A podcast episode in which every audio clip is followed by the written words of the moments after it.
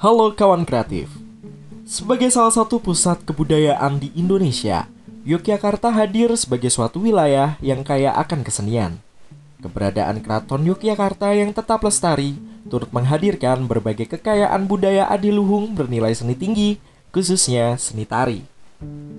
Tari klasik gaya Yogyakarta atau disebut juga gaya Mataraman telah berkembang seiring perjalanan dan telah ada sejak Keraton Yogyakarta berdiri. Umumnya, joget Mataraman atau tarian Yogyakarta sangat syarat dengan nilai historis, sosiologis, politis, serta muatan-muatan pendidikan. Lantas, apa saja tari klasik gaya Yogyakarta? Nandi menyampaikannya untuk Anda. Yang pertama, tari Bedoyo Sumrek. Bedoyo Sumrek adalah tarian pusaka karya dari Susuhunan Pakubuwono I. Keterangan tersebut berasal dari manuskrip yang ditulis pada masa pemerintahan Sri Sultan Hamengkubuwono ke-6 atau bertahta tahun 1855 hingga 1877. Tarian ini merupakan hasil upaya Mutrani atau menduplikasi Bedoyo Ketawang karya Sultan Agung Prabu Hanyokro Kusumo. Beksan Lawung Ageng Beksan Lawung Ageng merupakan salah satu tarian pusaka di Keraton Ngayogyakarta Hadiningrat. Tari yang diciptakan Sultan Hamengkubuwono pertama ini dianggap sebagai seni tari unggulan setelah Bedoyo. Tercipta sebagai simbol atau idem budaya untuk mendukung legitimasi kekuasaan raja.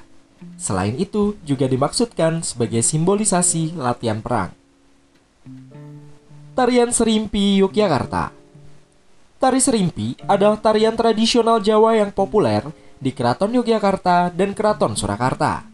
Identik dengan kelemah lembutan, kesopanan, gambaran kehalusan budi, dan sejak zaman kuno, serimpi telah memiliki kedudukan istimewa di keraton-keraton Jawa.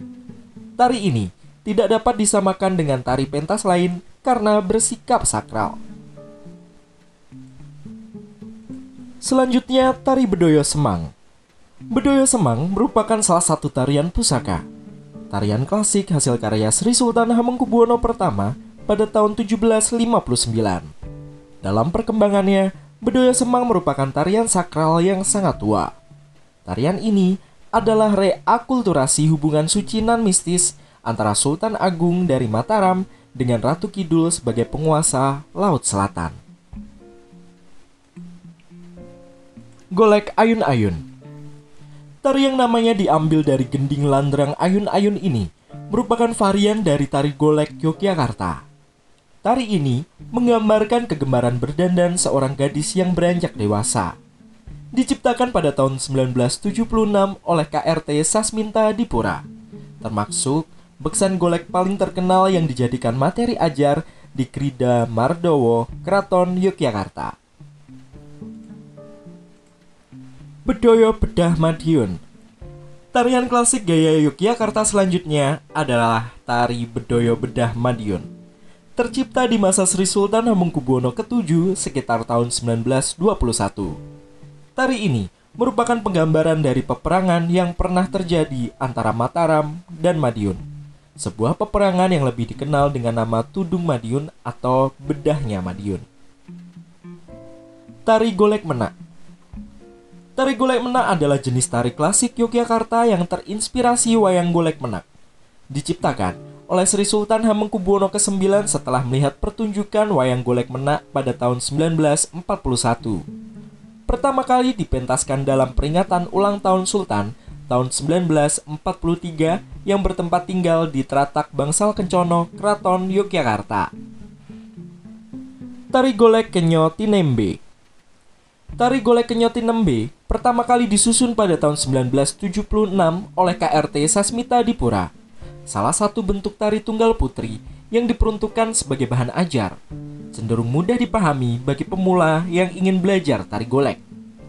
Hadir dengan koreografi dan varian gerak yang tidak rumit dengan pola lantai simetris yang sederhana. Selanjutnya, tari Klonorojo Klonorojo disusun oleh R. Sunartomo Condro Radono. Tercipta pada tahun 1976, terinspirasi dari adegan raja yang sedang jatuh cinta kepada seorang putri dalam lakon Wayang Wong. Perihal namanya, ada yang mengatakan bahwa tari ini merupakan gambaran figur raja yang merupakan manifestasi penguasa Mayapada dan alam astral yang hadir. Tari Klono Alus Klono Alus merupakan salah satu jenis tari tunggal putra. Tari ini merupakan hasil karya dari seorang penari dan guru tari bernama R. Sunartomo Condro Radono. Ditarikan dengan karakter dan gerak tari yang halus, Ciri khas dari gerakan tari ini adalah gerakan ngono atau kiprahan yang diungkapkan melalui gerak Muryani Busono. Tari Golek Pamularsi Tari Golek Pamularsi merupakan buah karya Gusti Bendoro Raden Ayu Yudonegoro. Salah satu jenis tarian golek yang menggambarkan tingkah laku gadis remaja yang sedang mekar-mekarnya. Masa-masa ketika ia gemar bersolek dan bergaya dengan kenes dan kemayunya berusaha terlihat cantik demi mendapatkan perhatian dari lelaki pujaan. Tari Bedoyo Sabdo Aji diciptakan oleh Aye Sri Kadar Jati pada tahun 2007 dan disebut sebagai Bedoyo Golek Menak yang pertama. Seperti diisyaratkan oleh namanya, Sabdo Aji, kurang lebih bermakna perintah raja atau titah raja. Raja yang dimaksud adalah Sultan Hamengkubuwono IX yang menghendaki karya tarinya yang terinspirasi dari wayang golek menak untuk dikembangkan.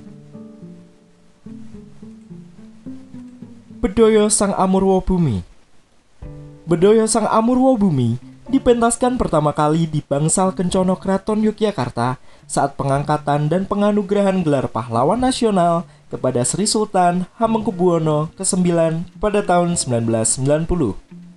Diciptakan oleh Sri Sultan Hamengkubuwono X sebagai legitimasi Sri Sultan Hamengkubuwono X kepada Swargi Sri Sultan Hamengkubuwono ke-9. Tari Sri Kandi Suradewati Tari Sri Kandi Suradewati merupakan jenis tarian berpasangan yang mengusung cerita diambil dari serat Mahabharata Tarian ini menceritakan peperangan antara Dewi Srikandi dan Dewi Suradewati. Dewi Srikandi lebih unggul dan mengakhiri pertarungan dengan kemenangan.